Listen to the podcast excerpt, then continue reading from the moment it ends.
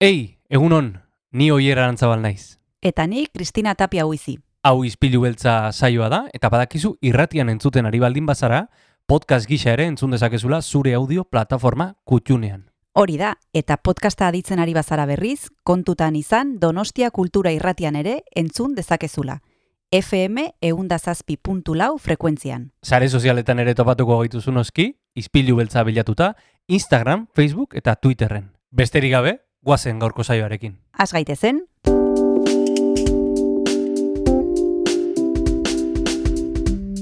Ispilu beltza. Donostiako kulturaren berri, Oyer Arantzabal eta Kristina Tapia buizirekin. Egun honen zule, espero dugu asteburu luzea ondo bukatu duzuela, hemen gaudegu astelena emateko prest. Donostia kultura irratian, izpilu beltzean, Kristina egunon, egun hon oier, zer moduz pasatu duzu asteburua? primeran, primeran, e, ba, umeekin jolasean, eta eta bar, eta bar, e, guraso planetan. Oso ondo, Ez da, ez dago gaizki, ez dago gaizki. ez Eh, dago gaizki.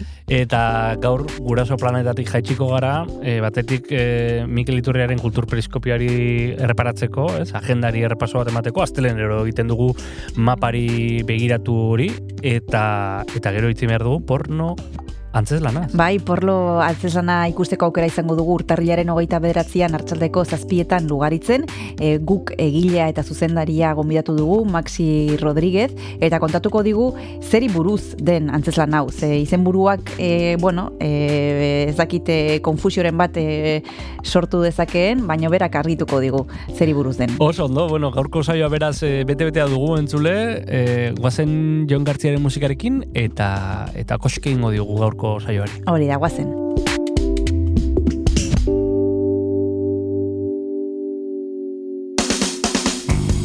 Guazen astea gogoz astera entzule, eta horretarako Fountains DC e, talde Irlandarraren Jack It Down the Line kantuarekin hasiko dugu, garko espiu beltza. La la la. My friend Sally says she knows you. Got a funny point of view. Says you've got away with murder. Maybe one time, maybe two. Something happens in the morning when I can't see those failing eyes. I can't find a good word for you. Does it come as a surprise? I don't think we rhyme. I will wear you down in time.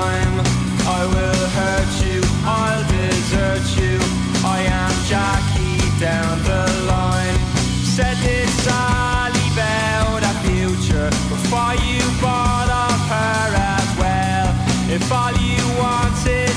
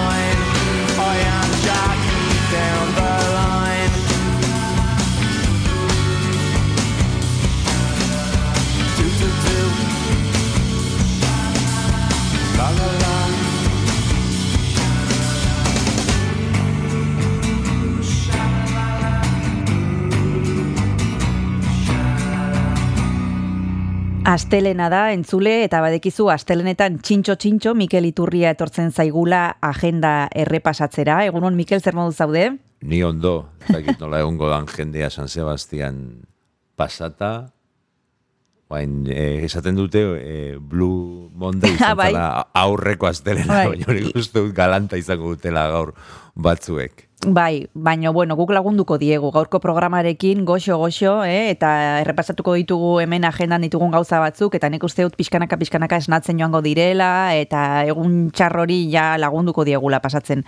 Zeiru itzen zaizu begiratzen badugu zer dagoen antzerkian astean zehar, Mikel? Bai, begiratuko dugu, eh, ze nahiko gauza asko ditugu. Eh, ja, be, motorrak berotuta daude, pasaden aste berezi esan, esan genuen aurrekoan astea berezia zala, eta hau ja hemen ja baditugu adibidez, lau eh, antzeslan, aipatuko ditut bata bestearen atzetik, eta lehenengoa izango dugu antzokizarrean, Euskarazko antzerkia, ostegunetik igandera, hogeita zeitik hogeita behatzia, Obe isilik, Itziar Ituño eta Ramon Agirre, Ituño fenomeno bat da sareetan, Bai. jartzen bali maezu zerbait Instagramen, e, ba, behar ditu, neguratzen, bos milioi jarraitzaile, eta, bueno, ba, ba, bueno, ba, mu- iten da, ematen dute ezagutzera e, bere lana.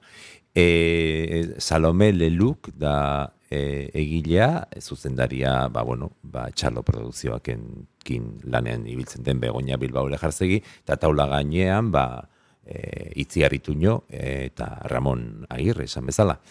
E, hori bai esan beharra dago, eta zortzian ituñoren ordezarituko dela, amaia Lizarralde. Ongi da.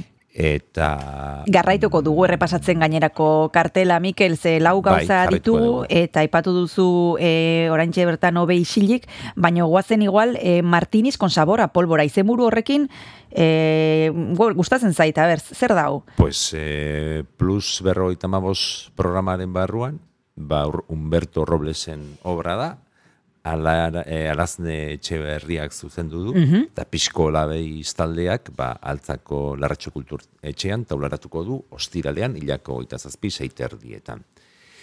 E, igandean, an, gaztelaniazko antzerki profesionalean, ba, porno, Larroka Producciones, ba, oso bitxia da e, sinopsia, Gabon Zaharreko afariaren bezperan, ba, tipo bat konturatuko da, interneteko orrialde erotiko batean dena ematen ari den protagonista hori ba bere koinatua dela, ez? Eta bueno, hortikan abiatzen da.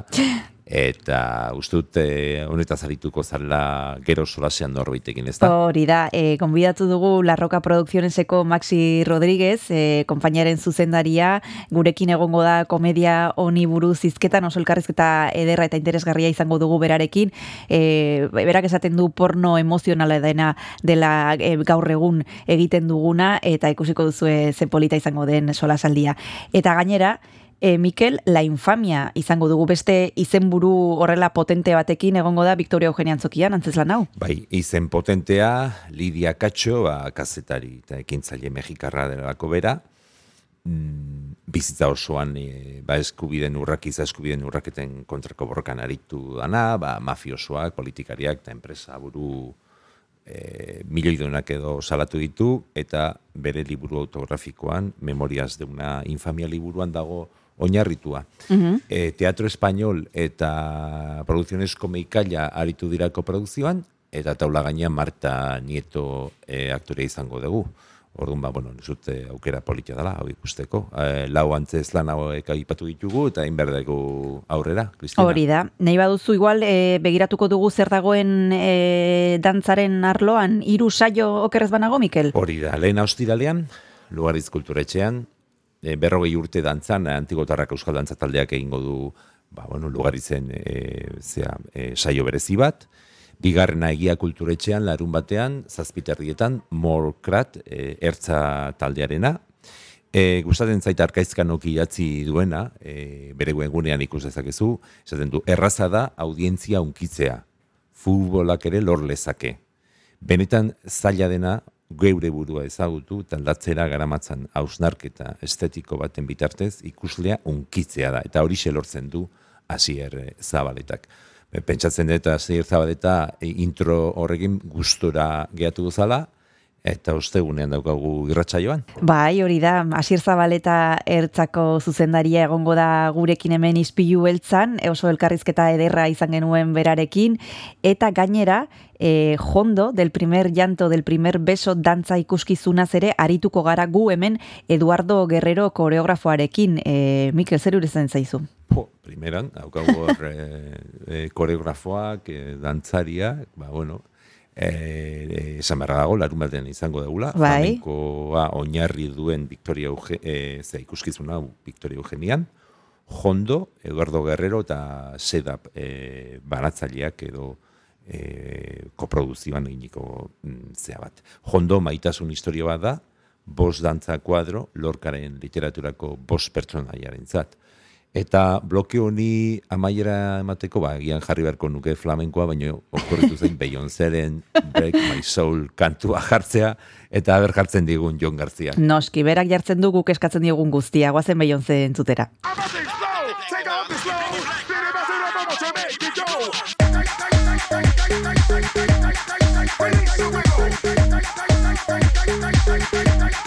Where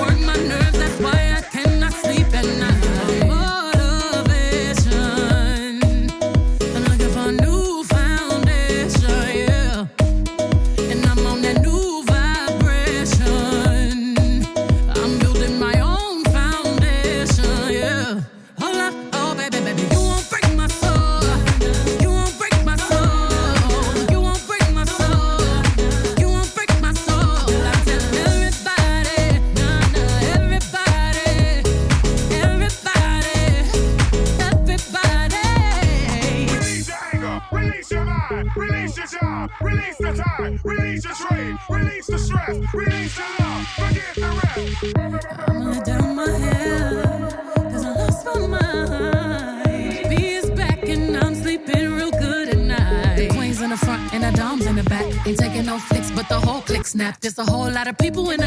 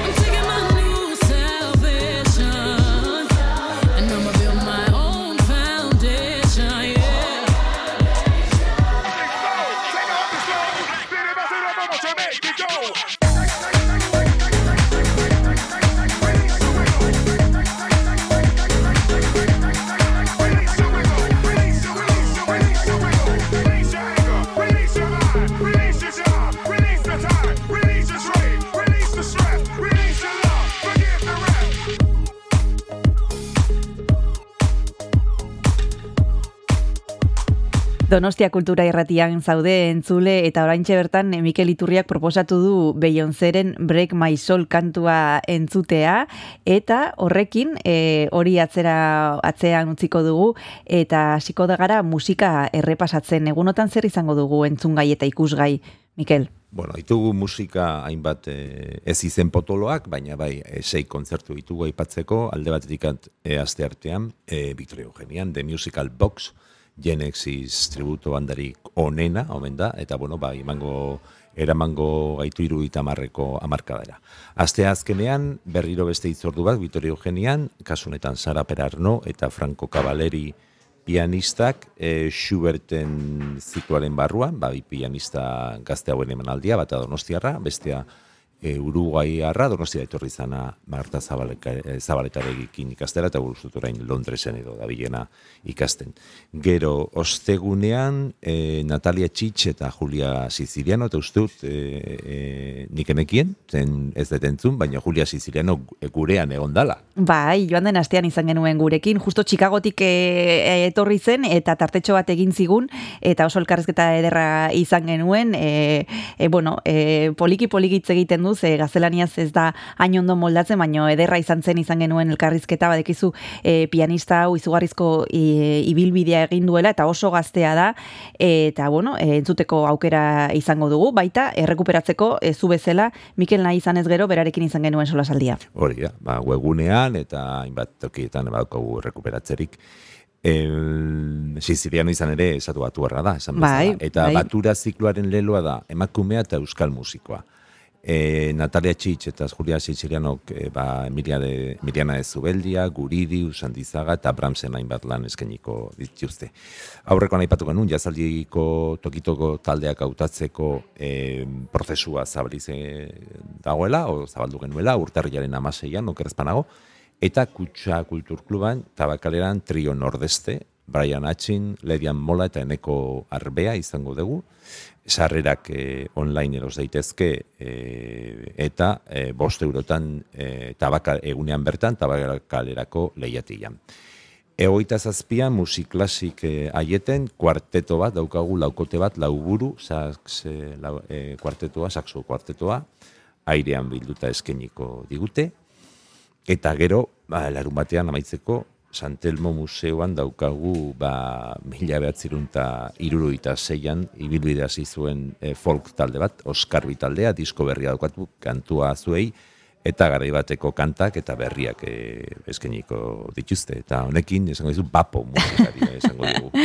Bueno, emanaldi oso interesgarria, kantzerkia errepasatu dugu, errepasatu dugu baita ere musika eta dantza, eta orain literaturaren txanda, Mikel, egunotan zer? Bueno, batez ere ohiko literatur saldia, baina baita Bai. hiru liburu aurkezpen, Bai. Luken bihar asti artean Sara Mesa izango dugu, Sevillako, nahi dut, tai, Sevillakoa da, no, Sevillan Bai, bizian. bai. E, esango duke duela pare bat urte etorri zala, eta orain liburu berria dauka es, esku artean, eta ematen du gustora datorrela donostira, eta gu ere gustora bera e, hemen entzuteko aukera izango dugulako, Ilenia Beritok egingo ditu bideratzaile lanak, Aste azkenean okendo neguardeko amabietan, Ana Merinok zuzentzen duen solasaldian Vladimir Nabokoven una belleza rusa, zarituko dia.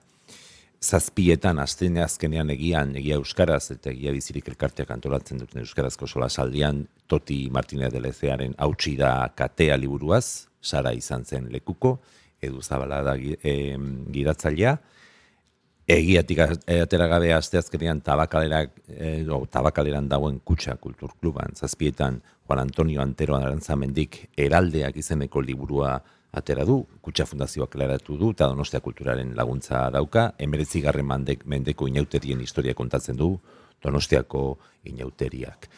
E, ostegunean, intxaurrondo kulturetxean plazara goaz elkartearekin batera, Katxalin Minerren turista klasea, iratxe retolazarekin, Eta maitzeko larun batean, eguerdiko amabietan, aurkezpen bat eh, Santelmon Terezin Daniel Blaufuxen liburua da, eta bueno, Teresianz edo Terezinko konzentrazio esparru naziaren historiari buruzko eh, liburua da, indesirable izeneko erakusketarekin lotutakoa, eta hauxe da, literaturak, eh, o literaturari buruz esan behar nuena. Ondo.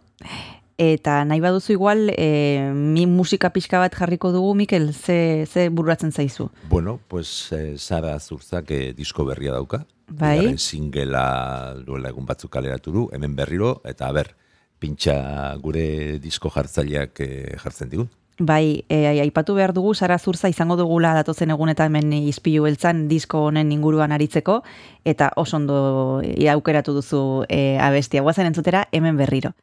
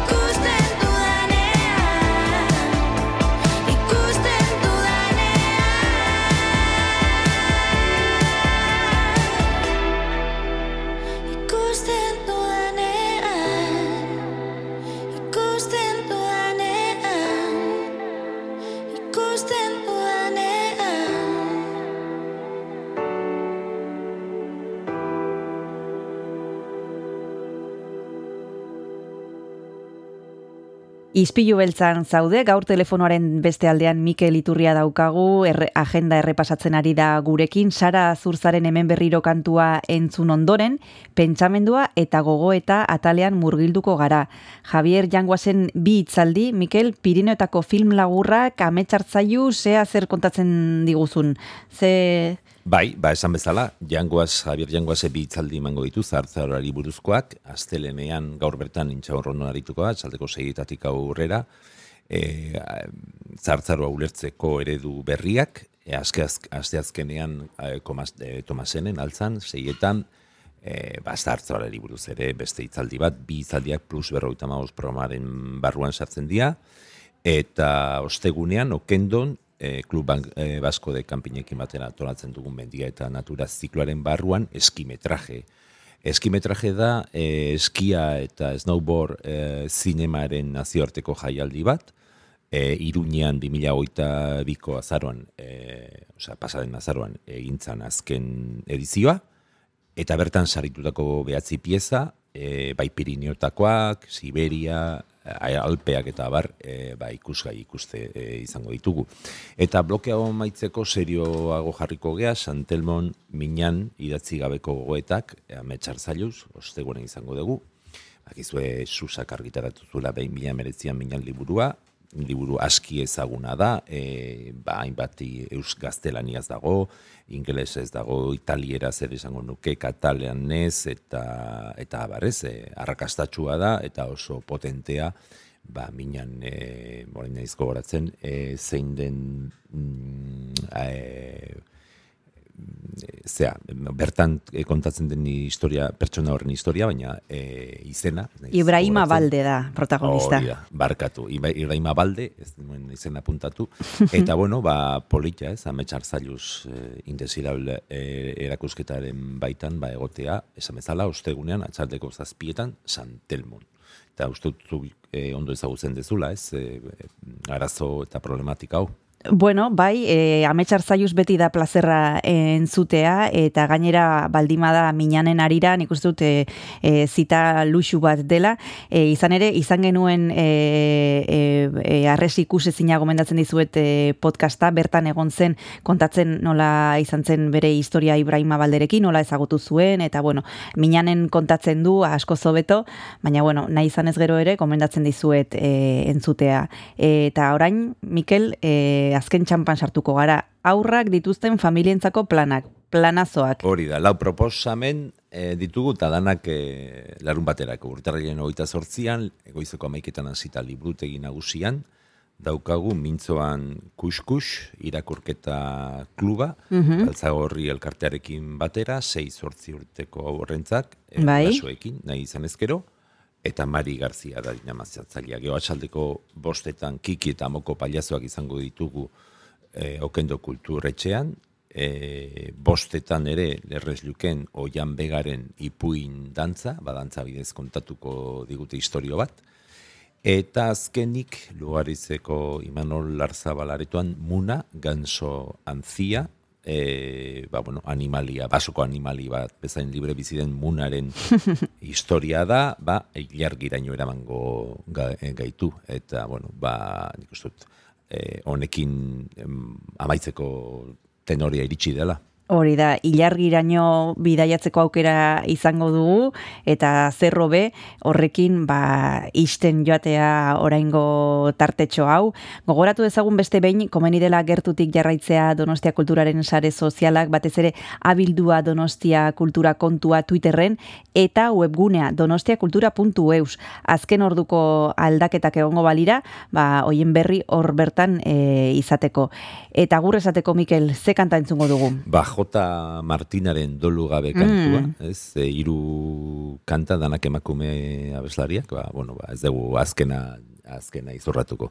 E, hor irukote badago atzean, Katjalin eta Neibarzena aizpak, eta gero Javi Jora Juria edo e, da e, irukotearen e, beste osa e, bueno, kidea, eta honekin ba, atorren azten arte, eta esango dizuet, aio, aio. Agur, Mikel, datorren aster arte. Esan izun etortzeko, esan izun geratzeko, ta ez etorri mesedez, aizean lez, joan zaitez, nire zauria ez da zurea, iluna daukat gordea, errurik ez da ordea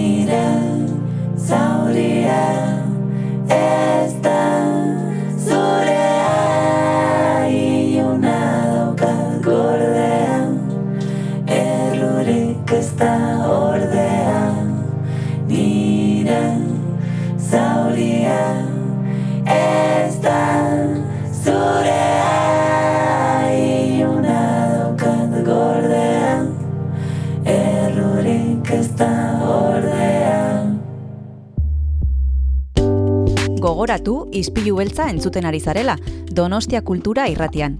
Baina nahieran ere topatu dezakezula podcast gisa gure saioa. Edozein audio plataformatan arpidetu eta oieraran zabal eta biok asko eskertuko dizugu. Orain jarrai dezala saioak. Lugaritzen e, ikusgai izango da porno antzezlana, hogeita bederatzean, urtarriaren hogeita bederatzean, zazpiretan, eta gaur, Maxi Rodríguez gerturatuko zaigu, antzeslan kurioso honen inguruan hitz egiteko. Bai, bera zuzendaria eta egilea da, eta porno hitzak gauza asko ekartzen dizkigu burura, baina berak hain zuzen ere azpimarratu nahi du porno emozionala e, kontzeptua e, hori landu baitu antzeslan honetan, eta bera kontatuko digu e, zer e, kontatu nahi izan duten e, lan honetan oier jarraian Maxi Rodríguez. Guazen.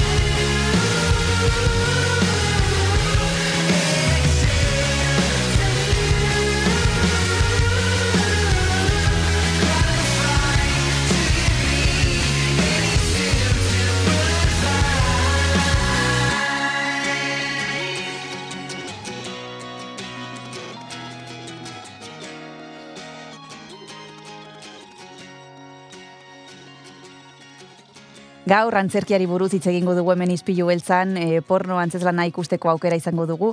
Urtarrilaren hogeita bederatzean izango da lugaritzen, eta guk sortzailea eta zuzenaria, Maxi Rodríguez gonbidatu dugu Donostia Kultura irratira. Egunon, Maxi, ¿qué tal estás? Hola, genial. ¿Cómo estáis? Bueno, lo primero de todo, Maxi, nos gustaría saber eh, qué es los, lo que nos vais a proponer en porno, porque ya el titular es muy sugerente. Ahora hablando con mi compañero Oyer Alanzábal, que estábamos eh, contando cuáles son los, contenidos que íbamos a tener en el programa de hoy, me decía, pero ¿vamos a hablar de porno de qué vamos a hablar? Entonces ya el título nos pone un poco alerta. Eh, pero bueno, cuéntanos tú, sin contarnos tampoco, sin destriparnos mucho, qué es lo que nos proponéis en esta obra de teatro. Sí, bueno, lo del título realmente ya desde el inicio sonaba como muy sugestivo y, y Hmm. un poco un poco controvertido, ¿no? Hay Hmm. gente que, que le levanta una expectativa así como con ganas, con curiosidad morbosa y tal, y otros que, que da como rechazo. Bueno, yo lo, lo, lo que planteo en, en esta comedia, que es divertidísima y, y que y que realmente va va está funcionando muy bien por, por, por todo el país porque porque la gente se lo pasa estupendamente. Es un poco mirar una realidad que, que, existe no porque hay como una cierta hipocresía en relación a todo este a esta cosa del porno. Estamos en una sociedad eh, empantallada donde miramos más a, a las pantallas que a los ojos y, y aunque aunque el, el porno convencional realmente pues eso tiene todos los elementos negativos que se están vamos contando y que se están diciendo cada día que eso de que está hecho al servicio del hombre y que, eh, que, que de alguna manera cosifica a la mujer y tal eso es cierto pero no es menos cierto que el 80% de las personas adultas eh, pues lo ha consumido alguna vez a lo largo de su vida. Entonces lo que lo que hago es mirar un poco esa realidad en clave de comedia, pero no por ello de, de una forma banal, ¿no? sino, digamos, eh, introduciendo también muchos elementos de, de reflexión, puntos de vista diferentes, hay mucho debate, pero fundamentalmente es mirar esa realidad con, con una perspectiva mm, de alguna manera eh, cómica que permite sacar a la luz elementos para reflexionar todos. La gente que no se asuste por el título porque se lo va a pasar muy bien y eso está testado porque llevamos dos años en, en gira y la verdad que los resultados y la recepción por parte de, los espectadores es fantástica. Ya en esta primera pregunta, Maxi, nos has dado varias ideas que vamos a intentar ir desgranando para que para profundizar un poquito en, las cosas que nos has ido contando. Eh, tú mismo has, has dicho que casi el 80% de los adultos ha consumido porno alguna vez en su vida, ¿no? Es un dato eh, potente. Y yo no sé si a priori eh, parece que nos vamos a sentir bastante, bastante identificados con, con lo que nos propones. Claro, es un poco lo que yo trato de hacer en mis obras, ¿no? Poner un espejo delante de nosotros y ver un, un, reflejo, una clave más o menos eh, eh, cómica grotesca o, o con un punto de, de a veces de, de, trazo grueso que nos permite identificarnos con cosas de nosotros eh, que, a veces no solemos mirar para otro lado, solemos no enfrentarnos y cuando lo vemos eh, dentro de una comedia y eh, sobre todo con personajes que, se parecen a, nosotros, ¿no? Es decir, hay como un cierto reflejo, una familia normal, de pronto un tipo descubre que, que, que- que su cuñado está haciendo, ¿sabes?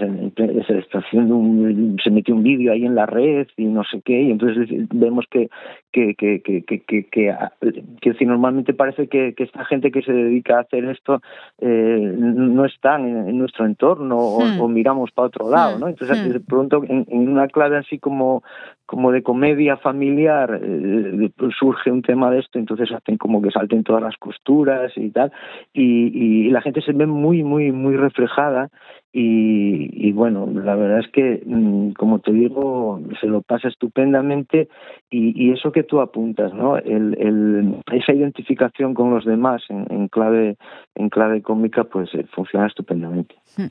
¿Y cómo surgió la idea de este proyecto? ¿Es algo que tenías ya en mente desde hace tiempo? ¿Ha sido algo concreto lo que te ha llevado a, bueno, a tirar del hilo y a terminar haciendo esta obra de teatro? Eh, ¿cómo, ¿Cómo ha sido el proceso? Mira, yo siempre me planteo en cada espectáculo un reto, ¿no? Y, y precisamente lo que tú comentabas al principio, ¿no? Una obra que se llame así, pues va a generar mucha expectativa y tienes que hacerla muy bien porque si no, la, decir, si no te, van a te van a machacar, porque evidentemente puede parecer muy temerario, ¿no? ¿Qué qué es eso del porno y tal?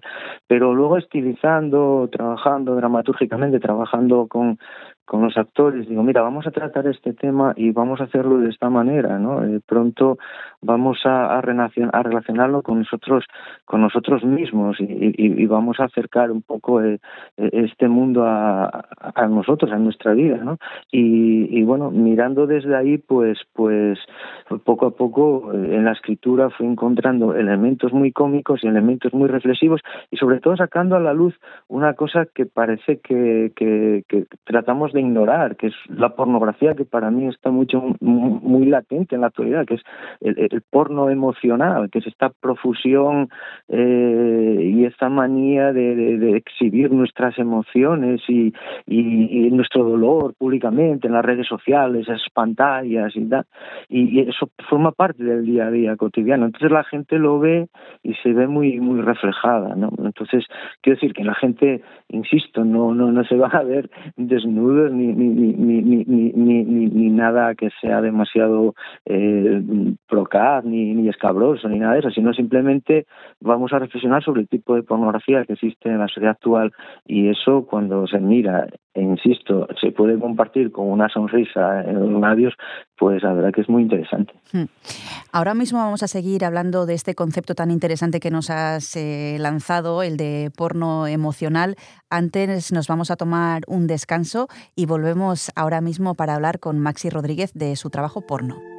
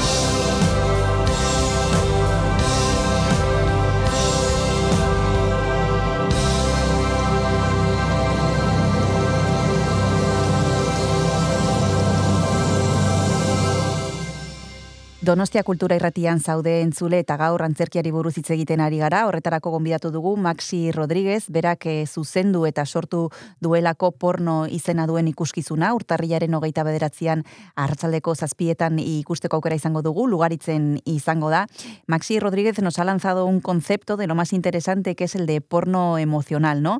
Eh, tenemos, eh, no sé si es la costumbre, la manía, la adicción de exhibir lo que nos pasa a cada minuto en distintas eh, redes eh, sociales. Yo no sé si somos del todo conscientes eh, de que esto también es porno, como dices tú. Yo creo que se nos está yendo de las manos esa sociedad ahora de la de la emoción, ¿no? De, de- de- del exhibicionismo impúdico, de, que se, que se te, se, ha muerto el perrito y ahí lo pone, ahí, ahí, eh, si todo el mundo está como abriéndose eh, y, exhibiéndose eh, esos sentimientos y tal, y, y, y- además es como es como adictivo para alguna gente y casi se compite a ver quién tiene más o quién puede exhibir más desgracias, quién tiene más desgarro interior, quién está pasando lo peor. Y, y claro, es decir, está el, desnudo físico y está el desnudo emocional, ¿no? Que eso para mí es un tipo de, pornografía que pronto forma parte de tanto de, decir de nuestra cotidianidad que, que parece que, que no que no reparamos que no reparamos en eso. Por eso en este espectáculo cuando la gente está viendo lo que le pasa a esta familia y de pronto está viendo que que se introduce este elemento también de pronto se desplaza como el foco de lo que podía parecer el, el- porno del título a, a- otra a, otro elemento más de, de- relación de, de, de- otro tipo de, conflictos y tal. Y, y es muy divertido y, y ayuda mucho a la, a la risa reflexiva que es lo que Hmm. yo pretendo en el espectáculo Sí, porque esa es otra de las ideas que quería comentar contigo. Eh, bueno, lo que se trata en, en- en esta obra mm, no es eh, algo eh, gracioso, sin embargo, tú haces uso de la comedia. Yo no sé si esto te permite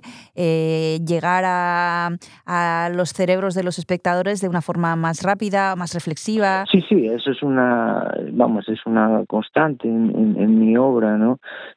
A la a la comedia para, para, para sacar a la luz eso, elementos de reflexiones que nos hagan, que decir, yo no hago teatro de tesis y probablemente lo que pongo sobre el escenario son muchísimas dudas, muchísimos desajustes y tal, pero bueno, sirve para sacar a la luz, en este caso, pues o la hipocresía o la doble moral que tenemos en la sociedad, pero no de una manera discursiva, soltando rollos, sino viendo un poco cómo se comporta la gente, viendo un poco lo que les pasa a nuestros vecinos, que los que están encima del escenario podríamos ser cualquiera de nosotros, cualquiera puede tener un cuñado o de pronto, es decir, eh, el, el material dramático está sacado de la calle, ¿no? De, de, de, de, de, de, de la- de las medias verdades, las, los secretos, la- las contradicciones entre la familia, tal, el porno como un tabú, que no sé qué, pero que a la vez eh, está ahí, porque a ver quién dice que no, hasta los chavales, están los dispositivos, está, eh, son, son muchos elementos que a través de- del humor pues te, ayudan a, pasar un bueno pues es una hora y pico eh, divirtiéndote mucho porque realmente tiene muchísima quiero decir tienes como una comicidad de situación de diálogo chispeante de propuesta de comedia coral muy muy muy divertida pero que ciertamente ayuda ayuda a reflexionar yo siempre recurro a la comedia porque me parece que es la mejor forma de, llegar a de llegar a la gente no. Y has citado al cuñado. Los cuñados siempre son los otros, nunca uno es el cuñado. Eso también es eh, algo curioso. Y decís que, eh, lo que lo que tú has eh, pensado y lo que has llevado al escenario es una familia normal y corriente. Yo no sé si tenemos ya hoy en día familias normales y corrientes o qué es eso incluso, qué es una familia normal y corriente. Claro, sí, sí, eso está muy bien pensado porque, claro, vamos a definir normal y normal en relación en relación a qué, ¿no? Claro, eso es eso, por eso, por eso, por eso es, buscado, es algo eh, de manera eh, deliberada, ¿no? El, cuestionar un poco la, normalidad, ¿no? Porque claro, para uno una familia tipo es como decir que, que yo qué sé, ahora mismo que hagamos de pasar estas fechas navideñas, la trama se desarrolla en las navidades, pues las navidades estallan todas las familias con mogollón de contradicciones porque el, digamos el paradigma de familia normal no existe. Y esa familia que está comiendo las uvas al otro lado del tabique, que pasa, pues, pues de pronto oyes voces y oyes y dices, joder, pero si estos eran los guays, no o sea, ¿quién, quién, qué, cómo, cómo hay que comportarse y qué es la normalidad, ¿no? Pues es todo tan contradictorio y tan, eh, ta- ta- tan lleno de, este tipo de, de, cosas que por eso son, eh, digamos, eh, como caldo de cultivo de situaciones muy cómicas, ¿no? Nos vamos a tomar el segundo descanso y ahora mismo volvemos con Maxi Rodríguez para hablar sobre porno.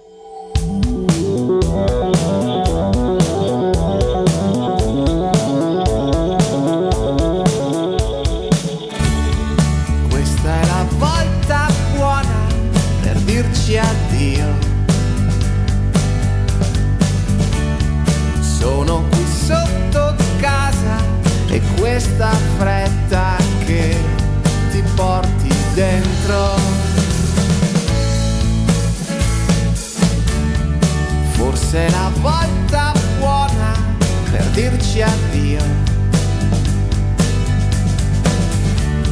Sono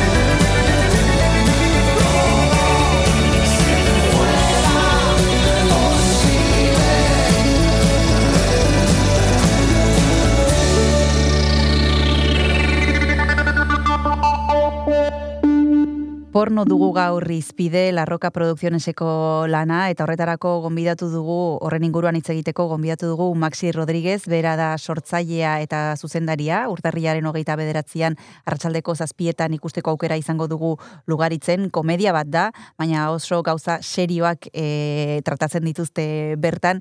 Eh, estábamos hablando de que se trata de una comedia familiar, pero decís que tiene un punto salvaje. Eh, no sé si podrías explicarnos cuál es ese punto salvaje o es mejor mm, que cada uno lo descubra cuando vaya a verla. Bueno, no vamos a hacer mucho spoiler, pero realmente eh, a veces atizan las bajas pasiones, no solo con, con, con el, con el, también pasa con el, con el, con el fútbol y esta cosa, ¿no? Es decir, que, que, que entonces digamos que hay, hay veces que, que, que, sale a la luz en la función un poco la, la, animalidad que llevamos dentro, la cosa primaria y tal, y eso desencadena situaciones, situaciones muy, muy divertidas. Por ese, ese puntito salvaje que hace que la comedia sea, sea muy, bueno, muy muy bonita de ver y muy divertida.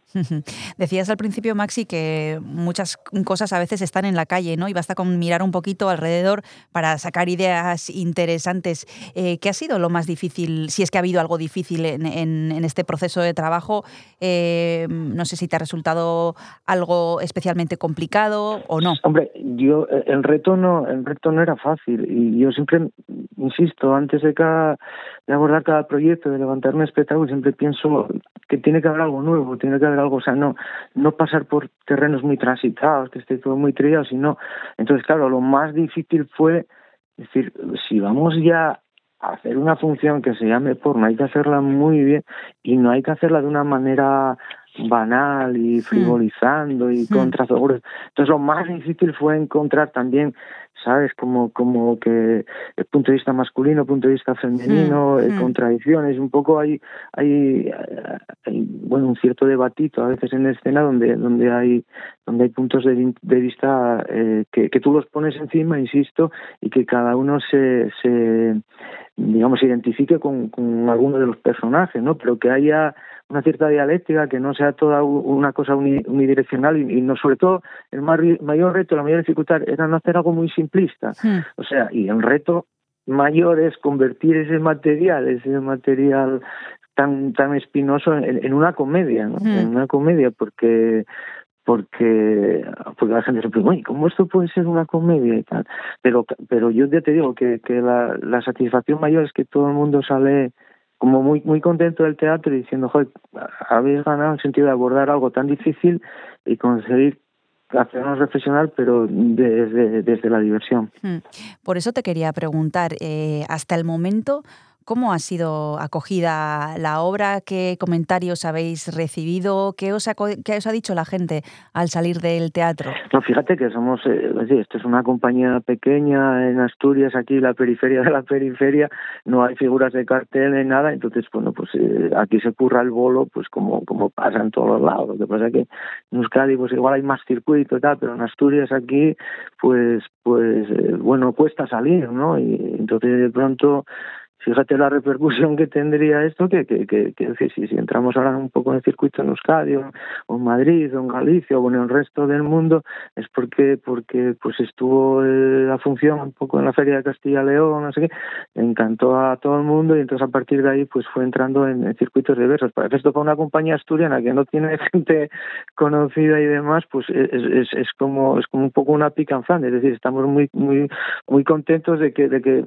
como decimos el boca ahora es lo que haya servido para para que el, para que el espectáculo pueda, pueda circuitar, ¿no? Y eso eso da buena muestra de la de la recepción del, por parte de los espectadores, ¿no? Estamos hablando ahora de porno Maxi, pero yo no sé si tenéis algún otro trabajo o idea que ya estéis eh, pues eh, no sé, pensando o incluso ya trabajando. Sí, bueno, yo como autor siempre tienes un poco esa la, la, la cocina, ¿no? La, la despensa literaria para ir para ir sacando cosas y y bueno, la compañía está La Roca Producciones, eh, eh, pues ahora mismo está diversificando eh, este espectáculo con un repertorio donde combina también espectáculos para otros públicos, infantiles y demás.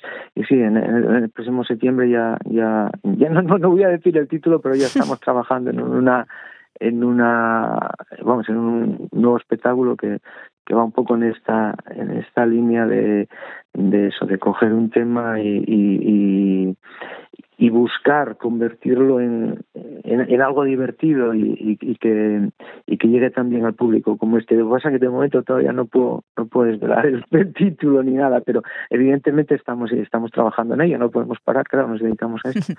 bueno, nosotros no podemos avanzar tampoco eh, nada más con de, ese proyecto que, que, tienes ahí en la cocina, eh, Maxi, pero lo que podemos hacer es recomendar a los oyentes que quieran y puedan que vayan a ver porno, este trabajo que nos proponéis desde La Roca Producciones que se podrá disfrutar el próximo 29 de enero, como hemos dicho, a las 7 de la tarde en Lugaritz.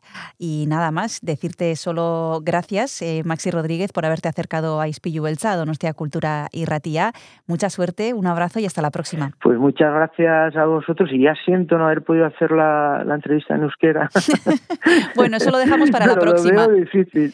Pero, pero cuando, cuando te escuchaba hablar eso, recordaba la, la, la última vez que estuve yo en, en Euskadi, que fue con esto de, de yo que fue en el 2018, ¿no? Eh, Donostia, 2016. capital europea de la cultura, el 16 fue. Sí, cuando, bueno, estuve es un, un espectáculo con Teatro Paraíso de Gasteiz, que era una obra mía que, que, que cuando la traducimos al euskera y cuando se representaba en euskera, pues eh, era, era, era impresionante, es decir, porque, porque, porque tú escribes una cosa en castellano, lo oyes en euskera y, y es como otro mundo. Y la verdad que me aficioné mucho, pero no tengo, no, no, no- siento no tener nivel para responderte en euskera. Bueno, pues para la próxima lo dejamos ¿eh? pendiente.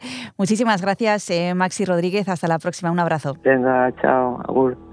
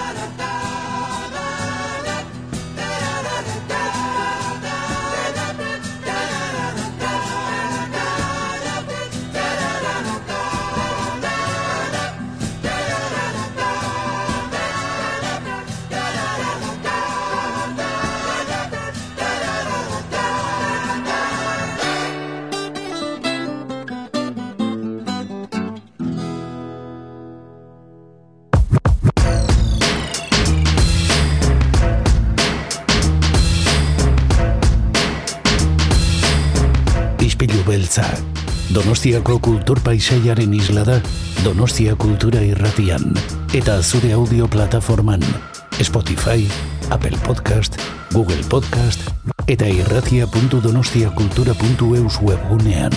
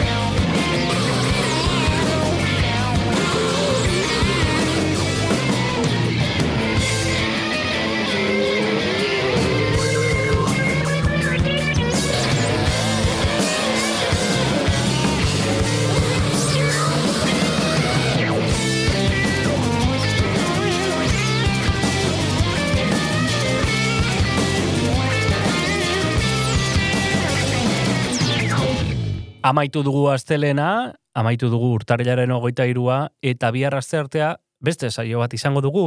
Badakizu entzule gurekin goizero daukazula zita, goizeko sortziretan Donostia Kultura Irratian, edo nahi, nahi eran, nahi duzun plataformetan. E, bihar, e, konkretuki, aste artea izaki, eskamak entzeneko kideekin egongo gara, Paul Ormaetxarekin, e, konkretuki Aki Karbrismakiren e, nubes pasajeras filmaren inguruan hitz egiteko, ez da, Mhm. Kristina? Hori da, berak eh, badekizue kaurismakiren e, ziklo bat eh, antolatu dutela kresalan, eta bihar e, Paulo Ormaetxeak hitz egingo digu nubes pasajeras pelikularen inguruan, eta eduki gehiago izango ditugu baita ere, eh? Hori da gauza asko izango ditugu, tartean Jon Gartziaren musika, eta gaur ere agur esango dizuegu, hain zuzen ere, Jon Gartziari bide emateko e, musika eder bat entzuteko. Hori da, bihar arte, oier. Bihar arte... Agur.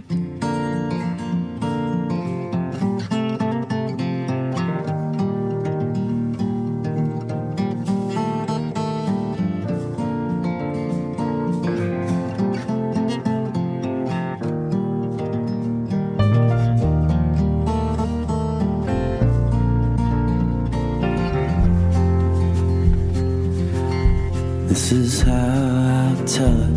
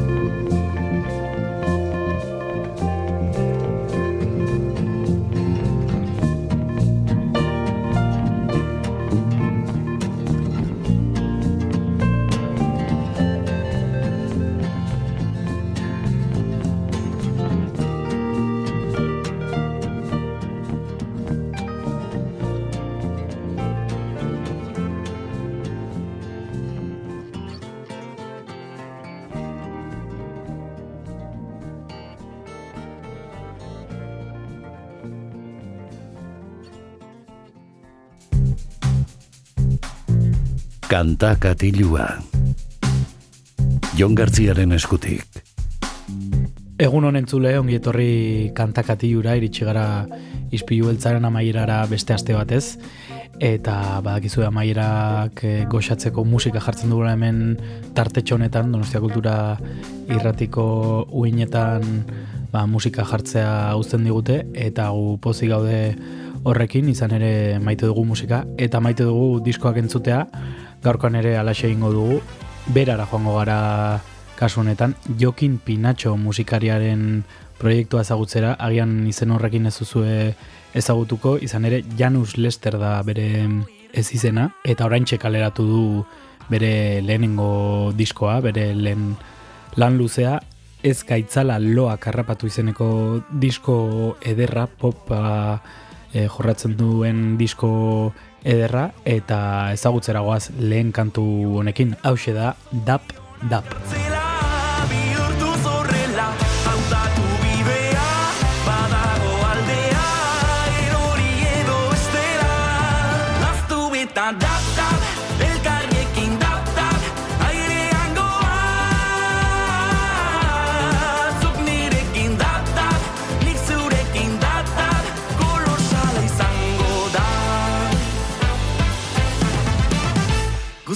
que eran tsunami.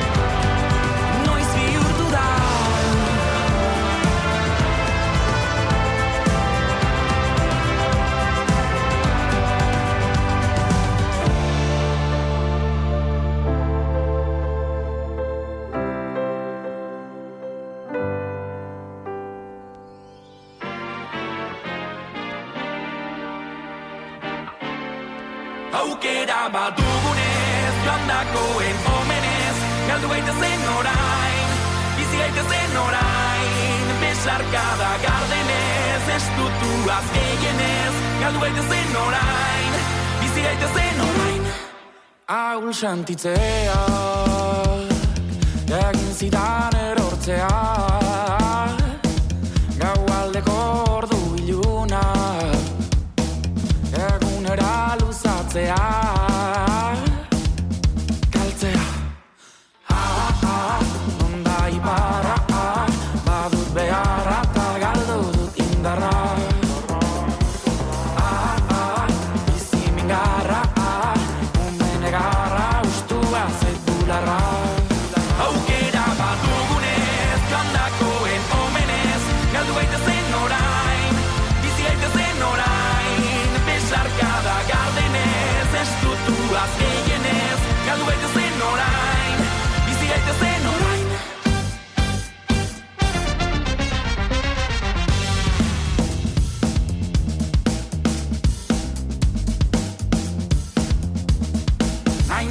can see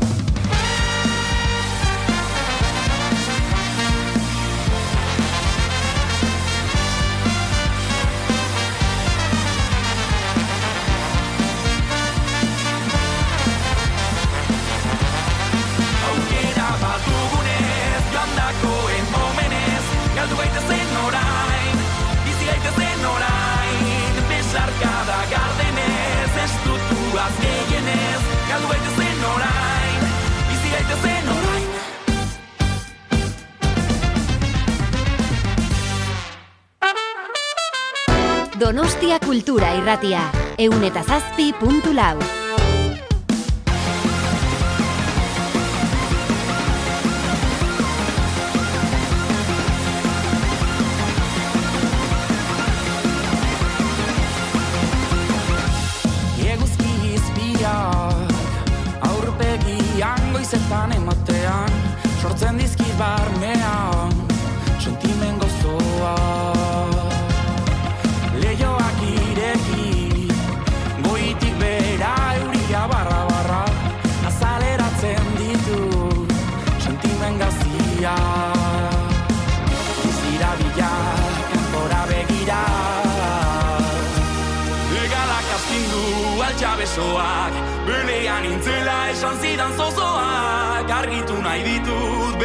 Begi lausoak Joan daitezen sentimen gazi gozoa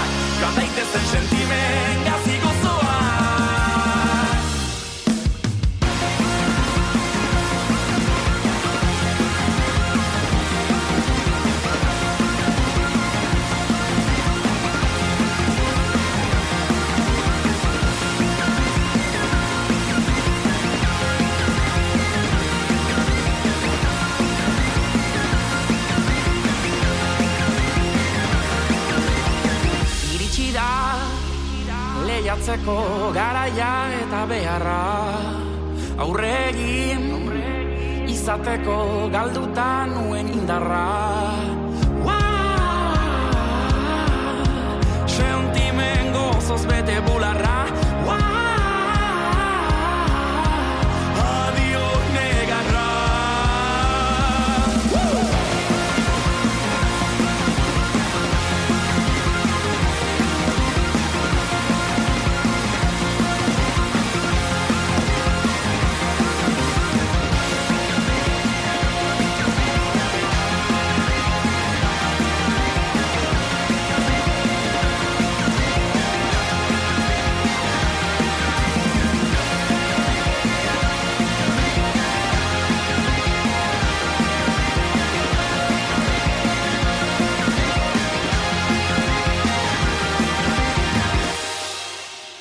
Janus Lester musikari beratarraren ez gaitzala loak harrapatu izeneko lehen lana eta lan berria e, e, duela gutxi kaleratu duen lana entzuten eta ezagutzen ari gara gaurkoan Donostia Kultura erratean eunda zazpi puntola frekuentzian ez gaitzala loak harrapatu izeneko diskoa esan dugun bezala eta tira zestoan grabatu da gaztain estudioetan, einaut gaztaina teknikariarekin eta tira, abesti ederrez josita dago, pop abesti ederrez. Jokin Pinatxo da Janus Lester zizenaren atzean dagoen musikaria, eta orain dugun kantua izan da gazi gozoak izeneko abestia, guazen urrengoa ezagutzera, hause da, IES.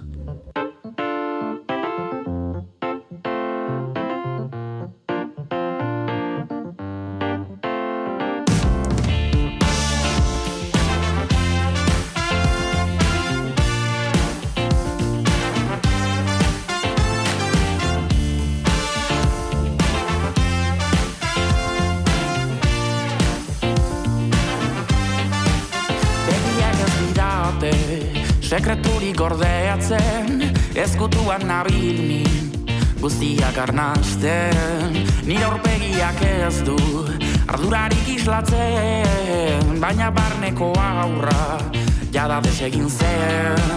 Egin nahi dut egan einan artean notzak diren abiak utzi azatzean garai batean nuen indarra barnean ukabilak urratuz joan zait ormeta Oh, oh, oh, oh, oh, oh, oh Ies emendik, oh, oh, oh, oh, oh, oh, oh Ies emendik, oh, oh, oh, oh, oh, oh Ies emendik, oh, oh, oh, oh, oh,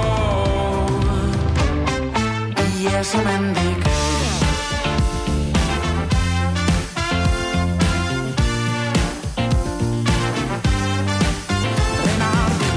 Hasi dut iesa, hausartuko nintzenik, ezin nuen pentsa, begiak ireki egita, egia hause da, nire logelan nago, dena zen ametsa. Ikarak zalantzak darrarak zentzu buruan, barruan, larruan.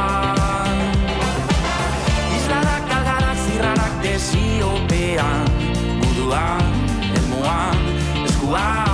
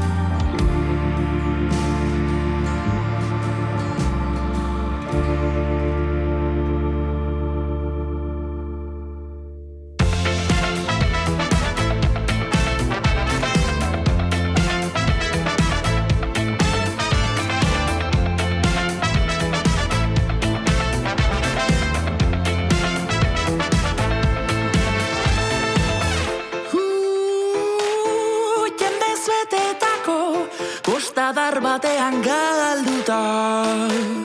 Zerura jauzi batez joan ginen Izarrekin batuta!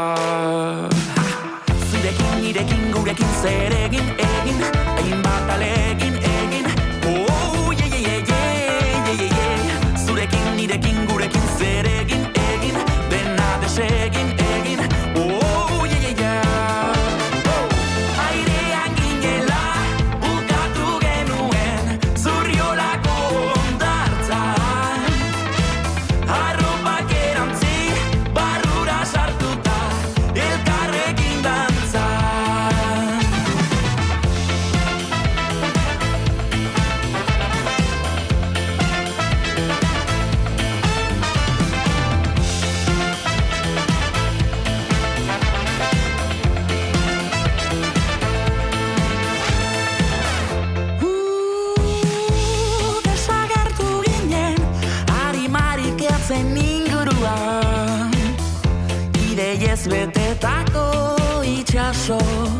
Bat bertzerik ez munduan!